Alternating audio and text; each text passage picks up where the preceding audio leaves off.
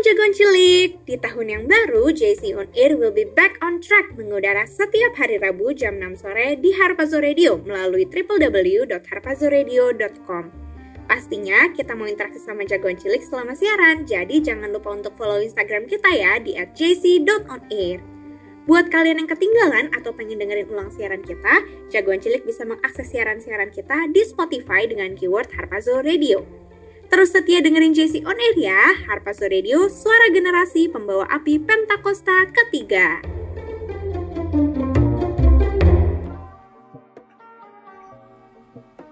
Eh, eh, lu main game mulu, bukannya besok ulangan? Ah elah, santai aja kali, kan bisa nyontek besok.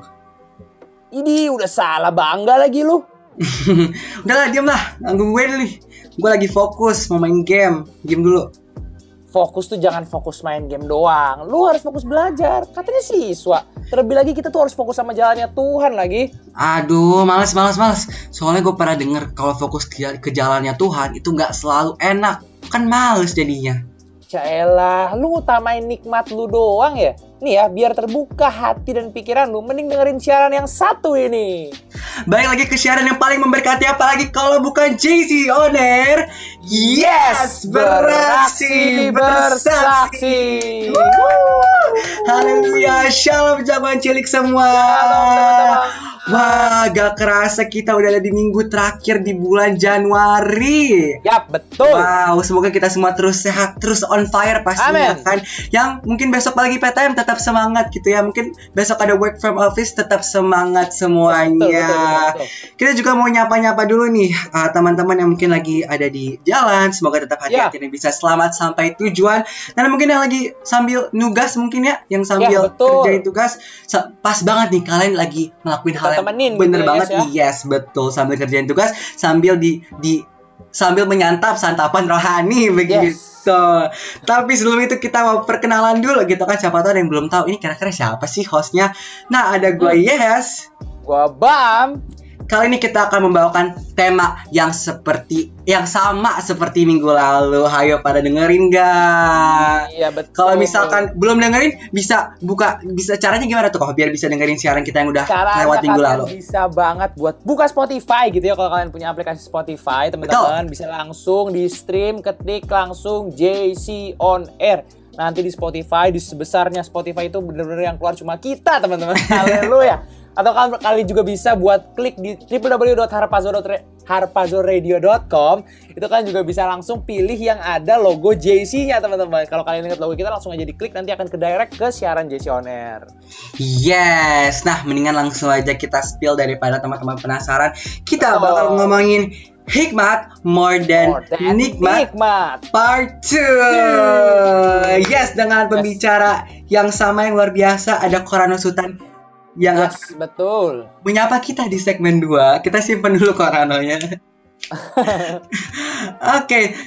Tapi daripada kita ngomong berdua dong nih, kok kita mau juga ajak hmm. interaksi juga nih sama-sama dengan teman-teman uh, yang lagi dengerin caranya yes, gimana tuh? Betul betul. Kalian bisa banget buat join di siaran kita dengan cara kirim format JC, spasi nama, spasi isi pesan atau salam kalian, pertanyaan kalian, kesaksian kalian ke Instagram at jc.onair teman-teman sekali lagi ke Instagram at jc.onair ya. Kalian bisa langsung DM ke situ nanti akan dibalas sama adminnya teman-teman. Kalian akan dibagiin gitu ya salam yang kalian sampaikan akan dibagiin di siaran Betul. kita kayak gitu.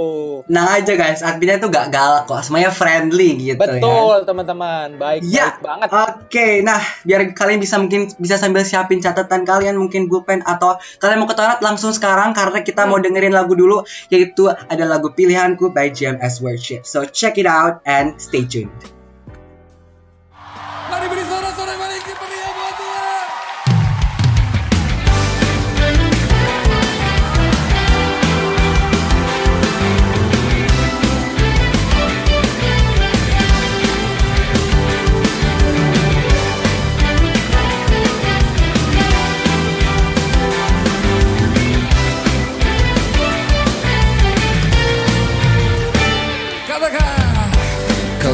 Tuhan yang mulia turun ke dunia untuk tebus segala dosa.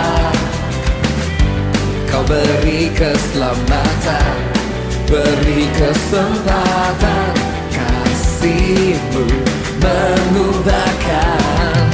Jika ku akui semua dosaku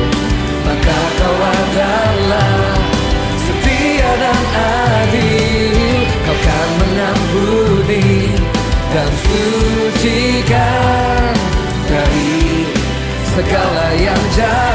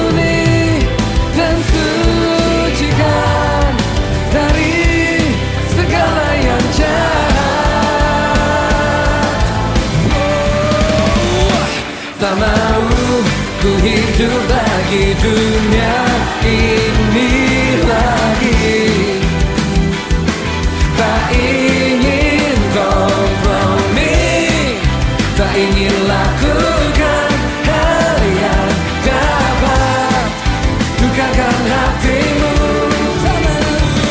Tak mau ku hidup di luar tutur kata firmanmu.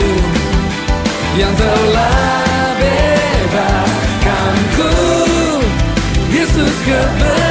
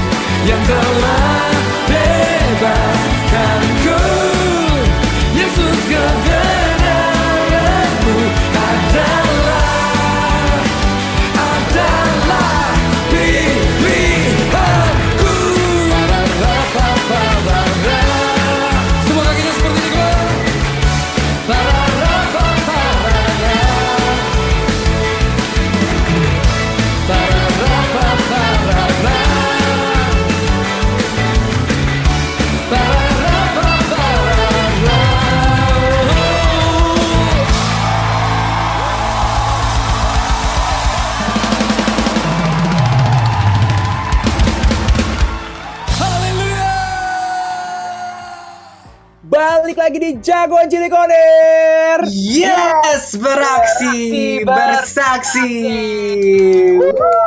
Haleluya teman-teman, back again with your host here Bam. Ada Yes juga kita berdua Hai. kalian di part 2 Hikmat More Than Nikmat teman-teman. Seperti Betul. kita juga udah ajak Korano buat temenin kita buat lanjutkan gitu ya apa yang dia udah sampaikan kemarin. Boleh mungkin batuk sedikit Korano? Tes tes. Eh, Ah, itu dia. Batuknya masih batuknya Korano teman-teman. Nggak berubah. Haleluya. Nah, Betul. sebelum kita lanjut. Mungkin kita mau ajak kalian buat join sama-sama kita gitu ya. Caranya gimana yes? Caranya gampang banget, kamu tinggal DM aja ke Instagram kita di @jc.onair dengan format JC spasi nama spasi isi pesan kamu, salam kamu, curhatan ataupun kesaksian. Kita bakal tampung semuanya dan tenang aja, artinya baik-baik kok guys, tenang aja. Langsung aja DM sekarang juga. Yes betul dan kalian juga bisa support kita nih caranya gimana yes support kita yes Oh, caranya gampang banget. Kalian tinggal capture atau screenshot aja tuh kalian lagi play Spotify atau mungkin lagi di uh, play uh, siaran kita di Harpazo Radio. Tinggal di post ke IG story kita, kalian ke IG story kamu dan jangan lupa untuk tag at jc.onair gitu. Siapa tahu bisa ngajak teman-teman juga ya teman-teman kamu yang yang view Instagram story kamu dan mungkin mereka tanya apa nih. Nah, bisa Nah, tuh kamu jelasin. Itu Gitu. dia teman-teman itu salah satu Betul. cara buat jadi berkat gitu ya Ya, Oke, haleluya. Mungkin langsung aja nih kita sambut Korano. Shalom ko. Shalom Corona. Shalom, shalom. Yes, apa kabar? Baik, Luar baik, biasa. Ko. Dan Corona kita- apa kabar? Puji Tuhan, baik. Haleluya, it's been a week gitu ya. Kita mau langsung bahas, kita mau nanya-nanya nih kok. Kalau memang Jagoan Cilik tuh udah tahu pasti kalau part 2 akan banyak pertanyaan-pertanyaan gitu yang mungkin mewakili pertanyaan-pertanyaan Jagoan Cilik di rumah tentang tema kita. Ya. Nah, mungkin langsung aja kita tanya nih ya kok. First pertanyaan pertama nih kok ya. Oke, nah kan kita bahasnya gitu eh, temanya hikmat or than nikmat. Nah, Bang punya pertanyaan nih kok. Apakah hikmat dan nikmat bisa berjalan berdampingan? Monggo kok. Wow, luar biasa ya pertanyaannya. Dahsyat ya. Kalau menurut Korano itu eh, bisa berdampingan gitu ya, asal kita memilih hikmat terlebih dahulu gitu. Hmm, I see. Karena kalau kita memilih nikmat belum tentu itu berhikmat gitu ya. I see. Jadi kalau misalnya kita lihat juga ya dari Amsal 24 ayat 13 sampai 14 gitu, dikatakan gini, anakku makanlah madu sebab itu baik dan tetesan madu manis untuk langit-langit mulutmu. Mhm. Ketahuilah demikian hikmat untuk jiwamu. Hikmat itu manis berarti ya. Sama seperti madu. Jika engkau mendapatnya, maka ada masa depan dan harapanmu tidak akan hilang. Kenapa kita ngomongin hikmat lebih dari nikmat? Itu gampang ya. Untuk kita mengerti paradigma yang baru gitu ya. Karena buat Korano waktu Korano dengar tahun 2022 adalah tahun paradigma yang baru. Itu satu kata yang terlintas itu cuma wisdom, hikmat gitu kan. Nah, kalau tadi seperti pertanyaannya Mbak Am, apakah hikmat dan nikmat bisa berjalan berdampingan? Bisa kalau kita memilih hikmat, karena Ya. sama seperti ayat yang tadi kita baca, kita dengar gitu ya. Jadi kalau kita mendapat hikmat, maka ada masa depan dan harapan kita tidak akan hilang. Bahkan ini kan nikmat buat generasi muda. Karena kalau generasi muda harapannya nggak bakal hilang, masa depan yang cerah, itu kan benar-benar wow Nikmat. Nikmat banget dalam hidup itu. Tapi kalau kita memilih nikmat dulu, belum tentu kita dapat hikmat gitu. Ya. Karena banyak anak muda kehilangan masa depannya hanya karena mengejar nikmat dalam hidupnya Ya. dan mengabaikan hikmat Ya. gitu. Dia Lalu- maunya oh foya-foya, dia asik-asik gitu ya. Tapi masa depannya sakit-sakitan gitu kan? Mhm. Nah, tapi kalau kita berhikmat hari-hari ini, ya itu dia. Kita akan menikmati juga. Itu akan berjalan berdampingan. Ya. Yes, amin. Haleluya. Jadi bisa teman-teman, jawabannya bisa. Apakah hikmat dan nikmat bisa berjalan ber- barengan? Bisa, asal kita pilih hikmat duluan. Karena kalau pilih hikmat, harapan dan masa depan kita nggak akan hilang. Dan Iya. kalau harapan dan masa depan kita nggak akan hilang, nikmat mana yang kau dustakan teman-teman? Haleluya. Tapi nih kalau sebelum kita uh, apa namanya ke pertanyaan selanjutnya, aku mau nanya juga nih, gimana caranya tahu kalau kita tuh udah matang? Matang. Iya, tadi kan kok kau bilang kan kayak hikmat dan nikmat bisa hikmat dan nikmat bisa berjalan berdampingan kalau kita sudah matang gitu. Oke, gimana caranya gitu ya? Kalau misalnya kita tahu kita matang anggaplah sebuah buah gitu ya. Kadangkala banyak orang kalau misalnya beli buah gitu ya ke toko buah kadangkala gitu ya kalau ditahu gini ini udah matang belum ya? Gitu. Justru buah makin matang itu makin lembek gitu ya. Nah kadangkala kita kalau misalnya makin matang gitu ya berarti kita makin lunak hati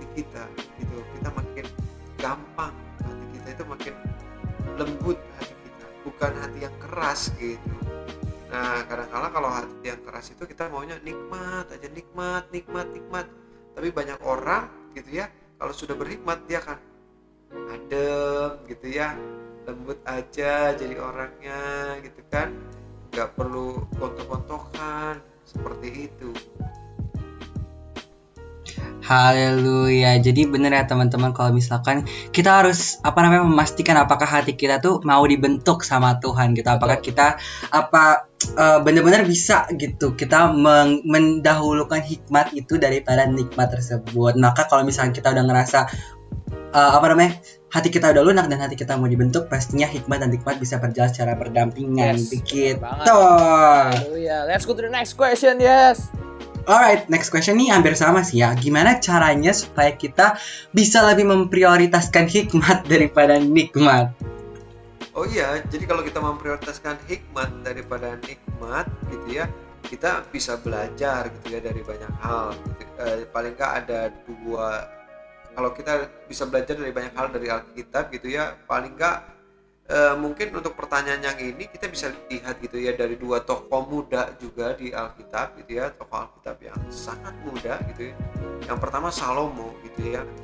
Salomo kan waktu dia menggantikan ayahnya memimpin bangsa yang besar gitu kan Salomo datang kepada Tuhan gitu datang kepada Tuhan dan dia minta hikmat itu dan menurut Tuhan itu jadi kalau kita mau memprioritaskan hikmat gitu ya paling nggak kita belajar kita datang kepada sumber hikmat itu. Karena makanya itu Salomo tulis dalam amsalnya gitu ya bahwa permulaan hikmat adalah takut akan Tuhan dan mengenal yang Maha Kudus adalah pengertian.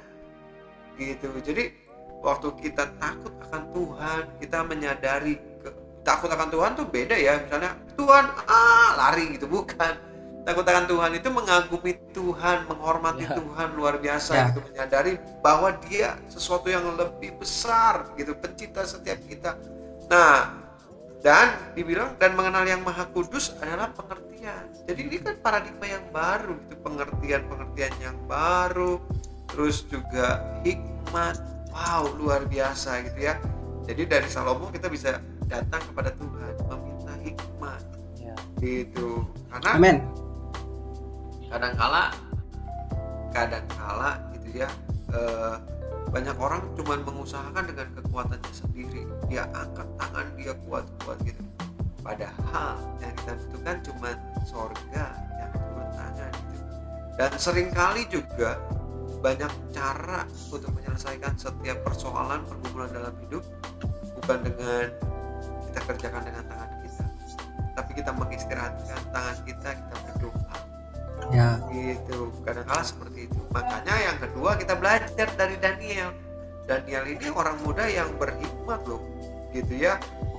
Kita baca di Daniel pasal yang pertama tiga gitu kan. Kita lihat dari kitab Daniel bahwa Daniel ini orang yang berhikmat orang muda yang berhikmat. Kenapa? Karena dia punya habit yang luar biasa gitu. Dia datang sama Tuhan sehari tiga kali berdoa memuji dan mencari wajah Tuhan gitu berdoa. Bahkan kalau sekarang kita lebih daripada zamannya Daniel kita ada firman Tuhan tuh. Kita harus banyak-banyak firman Tuhan. Banyak-banyak baca firman Tuhan.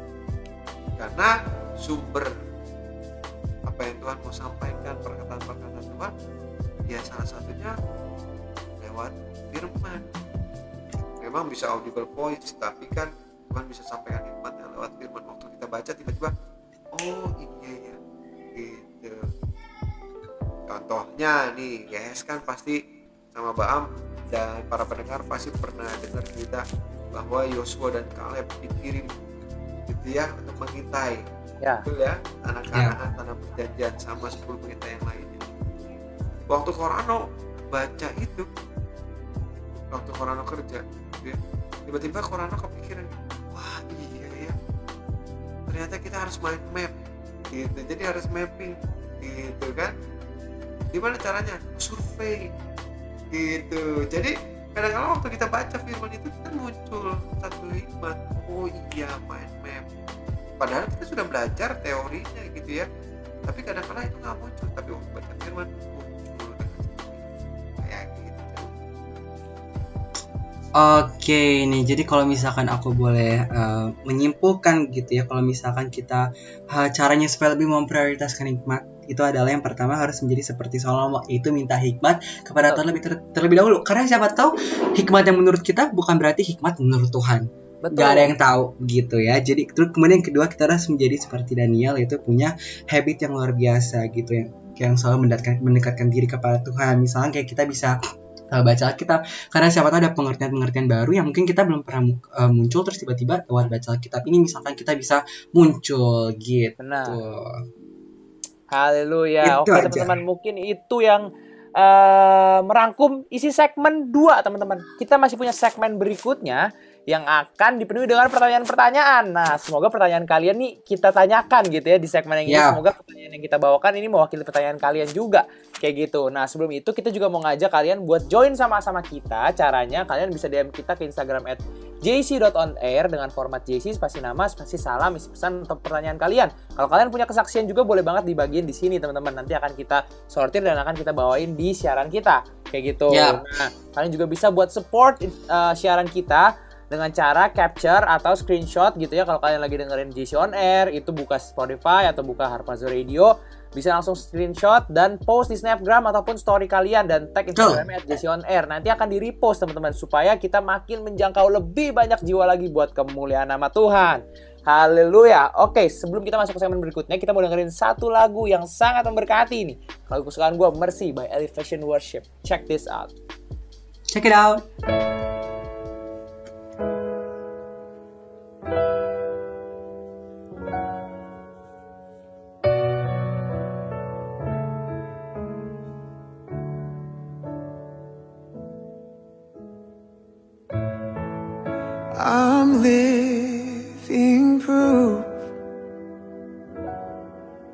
What the mercy of God can do. If you knew me then, you'd believe me now. He turned my whole life upside down. Took the old and he made it new. That's just what the mercy of God can do. Now I'm alive to tell the story how I've overcome. It's His goodness and mercy and the power of His blood. I'm so glad that my freedom wasn't based on what I've done. The goodness and mercy and the power of the blood. So much power in the blood. Oh.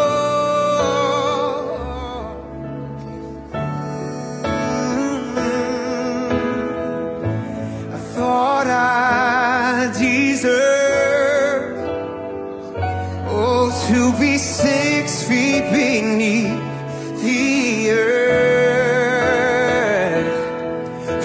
the things I've done, the things I've said, the choices made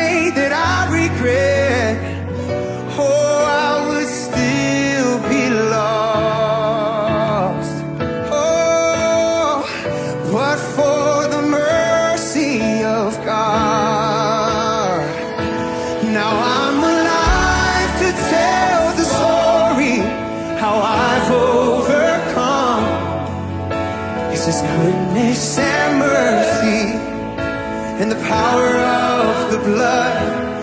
I'm so glad that my freedom wasn't based on what I've done. But the goodness and mercy and the power of the blood.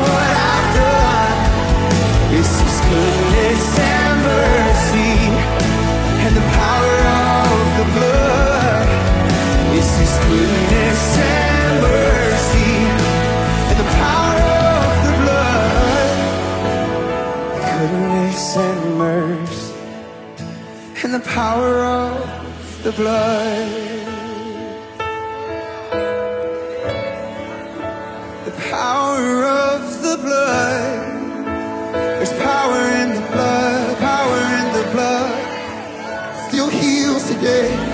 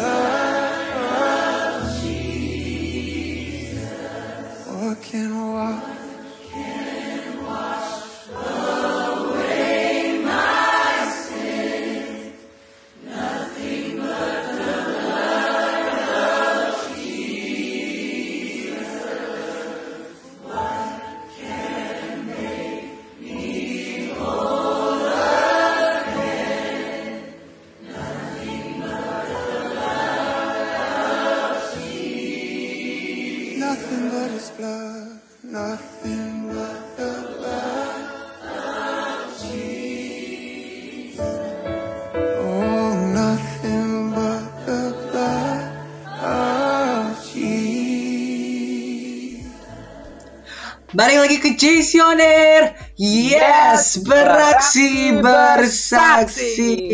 Woo, welcome back to Jason Air. Yes, Pokoknya hari ini kita akan menanyakan beberapa pertanyaan kepada Korano begitu. ya. Betul. Semoga pertanyaan ini bisa mewakili nih pertanyaan teman-teman yang ada. Oke, Yes. without any further ado langsung aja nih Koba Am. Apa nih pertanyaan yang mau Koba tanyain? Nah, ini ngomong-ngomong tentang hikmat gitu ya. Kok kita kan kalau ngomongin hikmat pasti tuh ngomongin tentang cara membedakan apakah ini benar atau salah. Jadi how and how gitu ya. Jadi pertanyaan berikutnya ini tuh kayak gini kok. Apa Koko punya cara tersendiri buat mengubah kebiasaan buruk lama yang Koko punya gitu? Jadi apakah Tuhan kasih hikmat tersendiri nih? Wah, gue pengen satenya tuh selalu pagi atau satenya nggak bolong. Caranya gini. Nah, ada nggak sih Koko punya nggak sih cara tersendiri buat merubah kebiasaan buruk lama yang Koko punya gitu? Oke, jadi eh, kalau dari pertanyaannya itu ya mengubah cara tersendiri buat meng- punya cara tersendiri mengubah kebiasaan buruk gitu ya. Eh, caranya kokoh gitu ya maksudnya ya? Iya, mungkin kalau dunia mungkin bilang, oh lakukan 21 hari. Nah, itu mungkin Koko ada nggak tuh cara yang kayak begitu tuh kok? Oh, oke. Jadi sama seperti yang tadi gitu ya. Eh, kadang-kala waktu kita baca firman, kita menemukan cara gitu. Jadi kalau misalnya sampai dengan saat ini, kadang-kala kan eh, contohnya kebiasaan buruk Ko- Koko gitu ya, kebiasaan salah satu kebiasaan buruk Koko ini mungkin bukan disebut overthinking ya, cuman karena dari kecil dididiknya gitu ya, terus suka science gitu Koko juga pernah eh, suka trik-trik sulap gitu kan. Nah jadi eh, buku-buku detektif gitu nah itu kan memang wah udah pelepasan tuh gitu kan kadang-kala eh, itu karena habit gitu ya.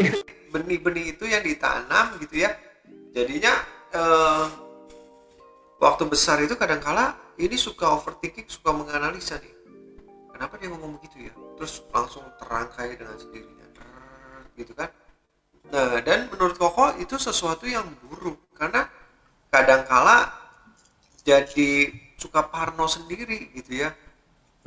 Kok dia nanya gini ya ada apa ya gitu jadi kadangkala jadi eh jadi gimana gitu ya jadi kita nggak mood sendiri padahal dia juga cuma sekedar nanya bercanda dan sebagainya Nah, untuk mengerub, merubah seperti itu, akhirnya Koko juga dapatkan sesuatu gitu ya. Jadi eh, sama seperti yang tadi Koko bilang gitu ya, untuk butuh hikmat kan harus baca, banyak baca gitu ya. Nah, jadi Koko juga belajar gitu.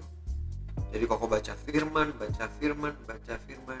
Jadi Koko lebih suka gitu. Waktu baca firman itu ya kadang kala pas gitu kayak contohnya yang tadi gitu overthinking gitu ya ternyata kan ada satu kisah gitu ya ada satu kisah misalnya di Gideon Gideon juga kan overthinking gitu minder gitu kan aku suku yang paling kecil gitu kan di antara ini dan sebagainya. Terus makanya minta konfirmasi minta konfirmasi. Dan dari situ kok bilang gini oh iya ya kenapa gua cuman atas dasar otak gue yang sekecil ini? Kalau gitu tiba-tiba kepikiran Tuhan minta konfirmasi dong. Apakah yang dia omong ini maksudnya ini atau ini ya? Jadi dikit-dikit Koko minta konfirmasi. Dari sejak itu Koko nggak nggak mau tuh pikiran Koko yang mengendalikan karena kan kita juga harus menaklukkannya gitu kan di bawah kaki Kristus gitu kan Ya. Nah, jadi koko rubah itu gitu ya. Jadi sampai sekarang makanya bisa enjoy gitu ya, bisa orang mau ngomong apa, whatever lah gitu kan. Lu mau ngomong apa, ya yang penting image di mata Tuhan gitu kan. Nah, jadi koko rubah kebiasaan buruk itu waktu koko baca firman. Dan sejak ketemu itu gitu ya. Jadi waktu kalau koko pusing, koko akan ambil mengambil waktu gini. Doa, terus muji nyembah Tuhan baca firman. Gitu baca firman. Terus baca gitu ya sampai tiba-tiba. Kalau belum ketemu persoalannya baca lagi. Baca firman lagi baca firman lagi. Bahkan ada sesuatu hal yang spesifik gitu ya kalau kau menemukan satu masalah kau pasti datang gitu kan akan punya jam yang mungkin orang bilang saat teduh kadang-kala kan saat itu cuma dikenal dengan baca firman, doa memuji dan menyembah Tuhan. Nah, mungkin ini kalau menurut Korano ini yang saat itu tuh nggak cuma waktu pagi hari itu enggak, tapi waktu kita tiba-tiba ketemu masalah kita hening, kita seperti ngobrol sama Tuhan. Jadi ini sesuatu yang agak dibilang gimana gitu ya, mungkin kalian boleh nganggap "Ini Korano gila nih gitu ya. Jadi kok pasti kalau ada pergumulan kalau dulu kan merangkai sendiri, mikir sendiri gitu ya. Tapi kalau sekarang seolah-olah sama seperti ngobrol dengan Tuhan. Tuhan, ini masalahnya A nih, Tuhan. Gimana ya? Tiba-tiba seolah-olah kayak Tuhan ngomong gitu. Ini aja kan, gitu. Tapi kalau begini, begini Tuhan. Nanti kayak begini dong. Enggak, kan ini gini gini gini. Enggak Tuhan. Ini pasti kayak gini. Enggak. Ran percaya deh ini gini gini. Karena kalau kamu lakukan ini pasti begini. Enggak Tuhan. Yang ini aja. Sampai akhirnya menemukan damai sejahtera dan ternyata benar. Gitu. Itu jalan keluarnya. Jadi itu yang kau lakukan kadang-kala untuk mengubah kebiasaan eh, lama yang kau punya. Jadi kadang-kala kau nggak pakai kekuatan kau sendiri. Kan dulu kan ini kan merangkai sendiri kan. Otak ini gitu kan menganalisa sendiri data dan sebagainya. Tapi kau coba bukan data yang pertama tapi yang pertama doa. Gitu. Amin. kadang-kala kan kalau pengusaha kayak Mbak Am nih bisnismen gitu ya Iya kan kuliahnya juga lulusannya. Nah kadang-kala kan modal gitu kan ya. Nah di sini dana dana dana gitu kan. Nah tapi ada orang yang ide gitu ya. Karena kalau orang punya dana belum ada idenya kita punya idenya gitu. Tapi nggak ada dananya. Yang penting ada idenya. Tapi bukan itu. Yang pertama bukan cuma data gitu dana daya bukan yang pertama itu doa makanya pokok rubah itu itu sesuatu yang sulit loh waktu awal-awal. Karena tiap kali itu pasti ini bekerja lagi muter. Akhirnya aku bilang enggak stop dulu semuanya. Diem ngobrol sendiri. Nggak mau diganggu. Dan biasanya waktu yang paling enak untuk itu diam gitu ya. Yaitu di toilet biasanya Baru mau nanya nih, ada tempat spesifik nggak nih kok yang kira-kira koko tuh melakukan hal ini gitu? Oke terjawab juga teman-teman. Haleluya. Jadi kalau gue boleh thumbs up gitu ya teman-teman. em, tadi tuh Korano bilang bahwa banyak baca firman Tuhan tuh eh, adalah salah satu cara buat Korano mengubah kebiasaan buruk Korano. Salah duanya itu adalah adain quality time sama Tuhan. Jadi kalau kalian melakukan dua hal ini, ini Korano approve teman-teman. Dia sendiri sudah melakukannya, dia sendiri sudah membuktikannya. Kalau kalian pengen coba juga, teman-teman, udah ada saksi hidupnya. Nah, Korano itu sendiri kayak gitu, teman-teman. Yes, pokoknya intinya jangan pakai pikiran sendiri tapi kalau bisa tanya Tuhan atau minta konfirmasi ke Tuhan. Betul. Oke, lanjut nih ke pertanyaan yang keempat nih kok. Apa yang yang akan terjadi kalau kita kembali atau mungkin tetap di paradigma yang lama? Boleh silahkan dijawab nih kok. Haleluya, puji Tuhan. Jadi paradigma yang lama. Karena kan gini, apa yang kita pikir itu yang kita lakukan. Apa yang kita pikir itu yang kita ucapkan, gitu kan. Jadi kalau kita stay dengan pikiran-pikiran kita yang lama, gitu ya, pasti yang kita omongin ya hal-hal yang itu-itu aja, gitu. Yang kita lakukan ya itu-itu aja. Bahkan orang dunia aja, gitu ya, orang dunia aja. eh, Albert Einstein kalau nggak salah ya. Eh, hanya orang bodoh gitu bahkan disebutnya lebih kasar ya hanya orang idiot gitu yang istilahnya mengharapkan hasil yang berbeda dengan melakukan segala sesuatunya sama saja gitu. Nah oleh karena itu makanya kita harus bukan berdasarkan quotes itu bukan ya tapi sesuai dengan janji Tuhan di Yesaya 43 18 sampai 21 itu kan dan Filipi 3 ayat 13 14 kita harus forget the past melupakan apa yang ada di belakang kita. Seolah-olah kita tidak mendapatnya gitu. Karena kita akan berjalan bersama dengan Tuhan from glory to glory gitu. Jadi kalau misalnya kita cuman stay dengan paradigma yang lama. Ya kita cuma ngulang-ngulang aja itu aja itu aja itu aja gitu. Makanya kita perlu paradigma yang baru yang sesuai dengan firman Tuhan. Jadi paradigma yang baru itu bukannya yang tidak sesuai dengan firman Tuhan. Ya. kan kita lihat ya Yesaya 43 itu kan konteksnya Tuhan kasih cara yang baru untuk Israel Ya. keluar dari Babel. Bukan ngikutin caranya Babel caranya sistemnya dunia dan sebagainya seperti itu. Sama seperti kita paradigma yang baru itu pasti bukan lahir dari dunia pasti lahir dari sorga dari Tuhan. Belum bukannya apa yang trending topik bukan apa yang bilang fresh from the oven no. Tapi fresh from the heaven gitu. Haleluya.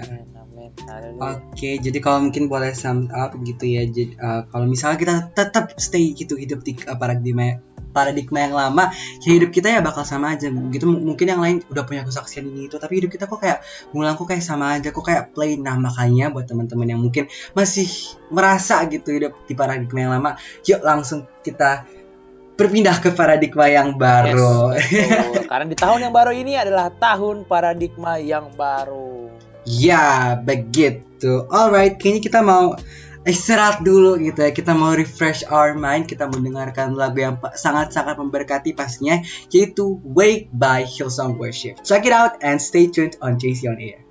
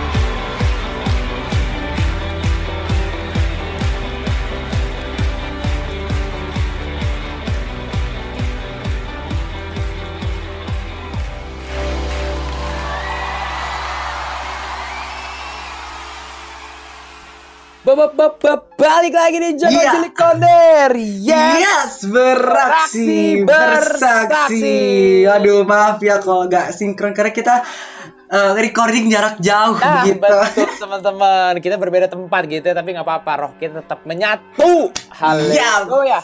Oke, teman-teman melanjuti segmen yang terakhir di part 2. Nikmat eh hikmat. Hikmat. Nikmat gitu ya. Ya. Kita punya satu lagi pertanyaan buat ditanyain ke Korano. Tapi sebelum itu kita mau ajak kalian buat join sama kita. Cara gimana ya, Hes? Nah, mumpung di segmen terakhir kita gak henti-hentinya untuk ngingetin teman-teman semua yang lagi dengerin yaitu dengan cara de- uh, interaksi dengan kita dengan cara DM di @jc.onair dengan format JC spasi nama spasi isi pesan salam curhatan ataupun kesaksian kamu dan kita bakal tampung semua dan mungkin bisa memberkati para admin JC do- uh, JC on air begitu ya teman-teman. Hmm, nah, haleluya. Oke, Korano, ini ada pertanyaan yang terakhir kok yang kira-kira akan membungkus siaran kita pada sore malam hari ini. Ya. Nah, jadi pertanyaannya gini kok. Ini bagus juga sih sebenarnya mungkin jadi pertanyaan um, jago cek jago klik di rumah. Gimana caranya supaya kita dapat bertahan dalam menjalani paradigma yang baru? Karena biasanya seminggu dua minggu hilang lagi. Iya, biasanya awal-awal lagi semangat-semangatnya terus tiba-tiba tengah-tengah iya bolong Nah, itu lagi. dia kok. Biar sepanjang tahun ini kita bisa bisa masuk dalam paradigma yang baru gimana tuh kok? Monggo kok. Iya, memang yang terberat gitu ya eh, atau tersulit dalam hidup setiap kita bukan menentukan pilihan, tapi bertahan dalam sebuah pilihan, gitu kan? Nah, jadi memang gitu ya untuk kita bertahan dalam menjalani paradigma yang baru, kita harus maintenance gitu ya. Kita harus benar-benar kita gampangnya gini, yang memberikan paradigma yang baru kan Tuhan, gitu ya. Jadi pegangan aja gitu sama Tuhan gitu jangan sama yang lain cuman kadang-kala kita memang sering kali lepas tangan gitu ya. Giliran butuh baru cari lagi pegang lagi. Enggak jadi untuk eh, kita sama-sama gitu ya untuk bertahan mengalami paradigma yang baru pastinya kita harus benar-benar berharap sama Tuhan tadi gitu. Pegangan cling to menggantungkan diri kita sama Tuhan. Gitu jangan sampai copot. Karena kalau copot ya jatuh gitu nah jadi caranya satu-satunya kalau menurut ya mendekat kepada sumber hikmat sumber paradigma itu itu mungkin bang yes Yes. Haleluya. Jadi mendekat kepada Tuhan itu lagi ya. Jadi memang Yes. kita kalau deketin sumber api pasti hangat teman-teman. Jadi Mhm. pas seperti kalau kita deketin Tuhan gitu ya, sumber pengharapan kita pasti ya kita dapat harapan. Gimana cara kita bisa bertahan gitu ya dalam para, nah, menjalani paradigma yang baru adalah Ya. dekat sama Tuhan. Gak lain gak Jadi- bukan karena dia yang ngasih paradigma. Ya ya. ya. Yes, betul. Jadi itu tergantung kitanya gitu loh. Apakah kita mau mendekatkan diri kepada sumber paradigma itu atau Nah. tidak begitu. Itu Nah, dia. kita harapkan nih teman-teman yang udah denger bisa mau mendengarkan diri begitu. Nah, itu dia. Haleluya. Oke, mungkin that's all teman-teman pertanyaan yang udah kita tanyain untuk part 2 dari Hikmat More Than Nikmat. Yes, tapi ini bukan akhir dari siaran kali ini karena ada part yang paling ditunggu-tunggu. Apalagi kalau bukan Batu Karang bersama, Bersama anak Tuhan sekarang. sekarang. Batu Karang bersama anak Tuhan sekarang. Shalom teman-teman. Oke, kali ini yang bawain batu karang itu gua Baam teman-teman. Jadi hot news yang akan kita bawakan gitu ya di dalam batu karang pada sore malam hari ini Ceng itu jeng nggak lain dan, nggak bukan adalah pindahnya ibu kota baru. Wah, Aduh. teman-teman. Jakarta ternyata is not longer our capital city. Cuman bukan Iya. sekarang sih. Ya bukan sekarang gitu. Waktunya kapan? Nah, ini gue mau kasih tahu ke kalian nih teman-teman. Jadi mungkin kita kasih tahu dulu kali ya. Em, ibu kota barunya tuh bakal pindah ke mana? Mana tuh? Nah, ibu kota baru kita itu bakal pindah ke Kalimantan Timur. Oh. Nah, tepatnya itu di kota Penajam Pasir Utara. Mungkin ini ada pendengar kita yang dari Kalimantan gitu ya. Shalom teman-teman yang dari Shalom. Kalimantan. Nah, mungkin kalian udah nggak sabar gitu ya ibu kotanya pindah Yes. ke sana teman-teman. Kalau kita udah puas gitu ya, udah puas macet-macetan di ibu kota tuh udah puas. Nah, silahkan nih trafiknya kalau bisa dilarin ke sana aja karena udah Oh, capek gitu dong. ya. Aduh. Nah, jadi bakal pindah ke sana teman-teman. Penajam Pasir Utara di Kalimantan Timur. Kalau Yes udah pernah ke Kalimantan belum Yes? Belum, kan jauh juga kan kayak Jawa Kalimantan gitu. Terus kayak nggak tahu mau ngapain sana juga. Mungkin Nah. nanti mungkin pas udah jadi ibu kota mungkin mau kunjungan eh mau kunjungan kayak kayak apa aja, mau jalan-jalan gitu. Iya main kali ya ke sana karena memang udah banyak tuh side plan di YouTube-nya rencana-rencana nanti gedung-gedung Yes. yang bakal dibangun tuh takut juga sih bener-bener udah kayak di luar negeri gitu tapi itu di Indonesia kayak gitu udah bagus Yes. yang dibangun yang kalau berdasarkan YouTube gitu ya nah mungkin kalian juga bertanya-tanya kapan sih nih ibu kotanya bakal pindah ke Kalimantan Timur itu jadi menurut agendanya nih berdasarkan artikel yang saya baca di CNBC itu di tahun 2024 teman-teman jadi masih ada sekitar dua tahun lagi lah untuk persiapan pindah ibu kota dari Jakarta ke Kalimantan Timur kayak Wes. gitu. Karena Berarti bentar lagi mungkin ongkir ongkir online shop ke Kalimantan mungkin bisa lebih murah lagi kali ya. Nah betul mungkin akan banyak all shop all shop yang hadir di Kalimantan Betul.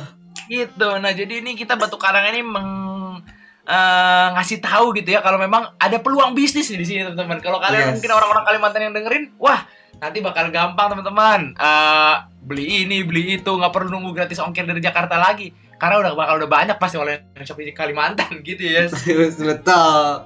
Nah, selanjutnya, kenapa sih Nusantara dipilih jadi nama ibu kota baru gitu ya? Ini gue juga penasaran sih. Gue bakal bacain artikelnya dulu ya teman-teman. Nah, ini Menteri Perencanaan Pembangunan Nasional atau Kepala Bappenas Suharso Monoarfa mengungkapkan Nusantara dipilih sebagai nama ibu kota baru di Kalimantan Timur. Ia mengungkapkan nama Nusantara dipilih dari sekitar 80 nama lain yang diusulkan. Nah, ini gue baru tahu juga nih, ternyata ada 80 nama usulan lain. Nggak cuma langsung Nusantara plek gitu doang. Nah, ini antara lain ada Negara Jaya, Nusantara Jaya, Nusa Karya, Nusa Jaya, Pertiwipura, Cakrawala Wah, Pura, banyak ya berarti ya. dan Kertanegara. Banyak, banyak banget. Alasannya adalah Nusantara sudah dikenal sejak dulu dan ikonik di internasional. Mudah dan menggambarkan kenusantaraan kita semua Republik Indonesia, kata Soeharto gitu. Jadi ternyata memang ada banyak usulan nama gitu, nggak cuma si Nusantara langsung jadi. Kayak gitu teman-teman. Nah, yang kedua mungkin kita beranggapan gitu ya, sudah tepatkah nama Nusantara? Nah, ini kita mau gue baca artikelnya juga. Dosen dan peneliti pada Pusat Studi Kebudayaan UGM, Rudi Wiratama menilai tepat tidaknya pemilihan nama ibu kota baru Nusantara tersebut merupakan preroga- prerogatif presiden.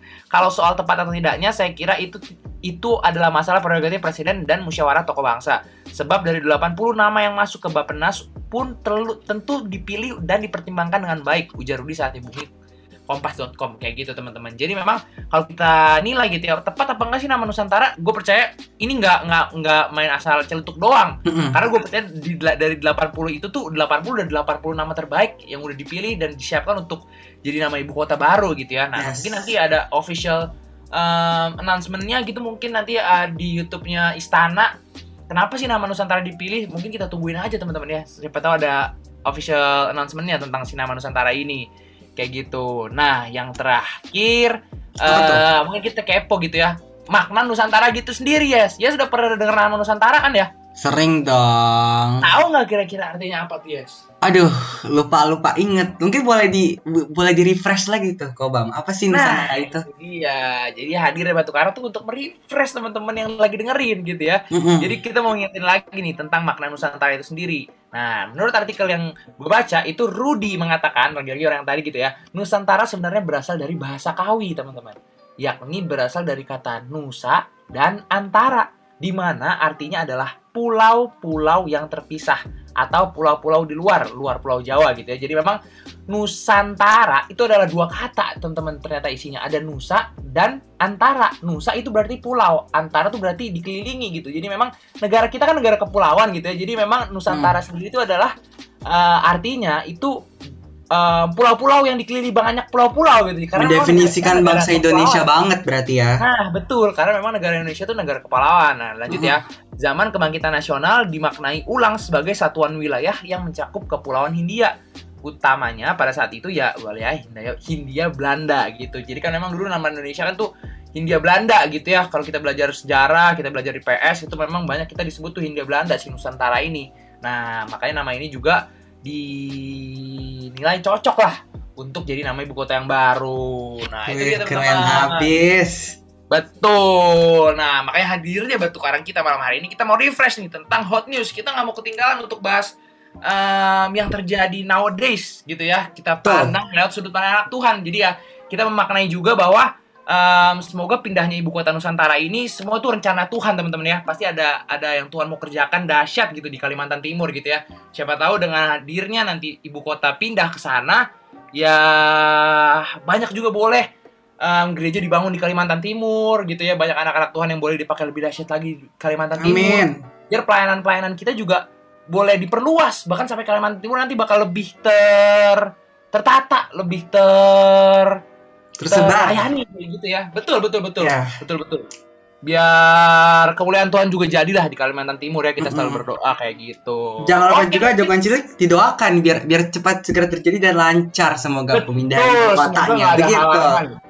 Benar, Yes. benar, benar. Budget juga em, tersedia gitu kan. Memadai, amin. Benar, nggak habis karena covid doang gitu. Kita berdoa Yes. biar lancar juga lah proses untuk pindah ibu kotanya ke Kalimantan Timur. Wih. Oke, teman. Mungkin itu aja. Batu Karang pada sore malam hari ini, gue balikin lagi ke Yes. Batu Karang Bersama anak Tuhan sekarang. Nah, itu dia batu sekian batu karang untuk malam hari ini. Semoga bisa memberkati teman-teman yang lagi mendengarkan pastinya. Tuh, bagus kan batu karangnya kan? Harus ya harus Parah. bagus pasti. nah, sebelum eh, sebelum kita ini kan kita udah di bener-bener mau penghujung banget tapi belum penghujung banget karena kita belum dengerin last statement dari Korano. Mungkin Korano nih boleh kira-kira ada pesan apa sih yang boleh disampaikan buat jagoan cilik tentang hikmat more than nikmat part 2 atau part terakhir ini. yes. Iya, jadi di tahun 2022 ini tahun paradigma yang baru Tuhan janjikan setiap kita tahun ini jauh lebih baik daripada tahun sebelumnya. Amin. Amin. Dan apa yang harus kita lakukan yaitu menaruh harap kita sama Tuhan. Dan waktu kita berharap sama Tuhan, maka akan ada cara-cara yang baru lewat paradigma-paradigma yang baru yang Tuhan curahkan buat setiap kita. Makanya, yuk taruh dalam resolusi setiap kita di tahun yang baru ini. Apa itu? Menjadi generasi yang mengejar hikmat, bukan mengejar nikmat dalam hidup. Memfokuskan Amin. kita kepada paradigma yang baru, bukan yang lain. Tuhan berkati. Yes. Amin. Haleluya. Ada resolusi jangan cuma tulisan doang ya, tapi dilakukan dalam bentuk action juga begitu. Betul. Jangan jadi action figure. Ya, Iya. gitu doang. Alright. Biar biar biar kita mau mengakhiri sebelum kita mau mengakhiri nih siaran kita malam hari ini kita mau mendengarkan beberapa pengumuman dari Kobaam. Langsung aja Kobaam, sikat. Alright, pengumuman pengumuman part 2 ses eh part 2 hikmat more than nikmat gitu ya teman-teman. Jadi pengumuman yang pertama, seperti luar biasanya ibadah onsite udah dibuka nih guys. Beberapa cabang rayon 3 daftar melalui ibadah.gbirayon3.org untuk Mm-mm. tahu cabang atau ranting dan jam ibadah yang tersedia gitu ya. Pengumuman yang kedua, live streaming Ibadah Raya setiap hari Minggu juga tetap live di YouTube Banten Youth Revival. Dimulai dari jam 7 pagi dan bisa diikuti di jam-jam selanjutnya. Pengumuman yang ketiga, Hmm. JC Sunday Service sesuai jam, cabang atau ranting masing-masing. Jadi make sure to follow Instagramnya untuk tahu kapan diadakan ibadah gitu ya teman-teman. Pengumuman yang keempat, JC English Service nih. Buat kalian yang mungkin nggak bisa bahasa Inggris, tiap hari Sabtu kita adakan jam 7 malam via Zoom. Linknya bisa diminta ke DM at Banten JC Revival, teman-teman. Nah, pengumuman yang kelima, jangan lupa dengerin Spotify kita dengan keyword JC On Air untuk dengerin siaran-siaran yang udah lewat gitu ya teman-teman siaran yang akan datang itu harus dipantengin bukan didengerin gitu ya harus dipantengin Instagram Instagram kita biar eh Instagram kita biar kalian gak ketinggalan gitu sama Ya. siaran-siaran kita Nah, pengumuman yang terakhir, the last but not least, follow Instagram kita di at jc.onair dan at Banten JC Revival supaya nggak ketinggalan info seputar JC On Air dan JC Rayon 3. Balik lagi. Haleluya. Oke, thank you Koban. Dan itu dia benar-benar the last part of Hikmat More Than Nikmat. Part 2 tapi tenang aja karena JC On Air bakal kembali lagi mengudara di Rabu depan di jam yang sama jam 6 malam di Harpazo Radio. Yap. jangan lupa untuk set your reminder gitu ya. Jangan sampai ketinggalan sayang banget. Tapi meskipun ketinggalan, ya bisa sih diakses di Spotify. Tapi kan lebih enak kalau dengernya live langsung Ah, dari betul itu. Oke, kalau kalau gitu kita mau pamit undur diri. Gue Hes pamit undur diri. Gua Baam pamit undur diri. Dan Korano. ya itu aja sekian dari kita semua. Sampai jumpa di siaran berikutnya. God bless you and keep on fire. God bless you teman-teman. Bless. Woo!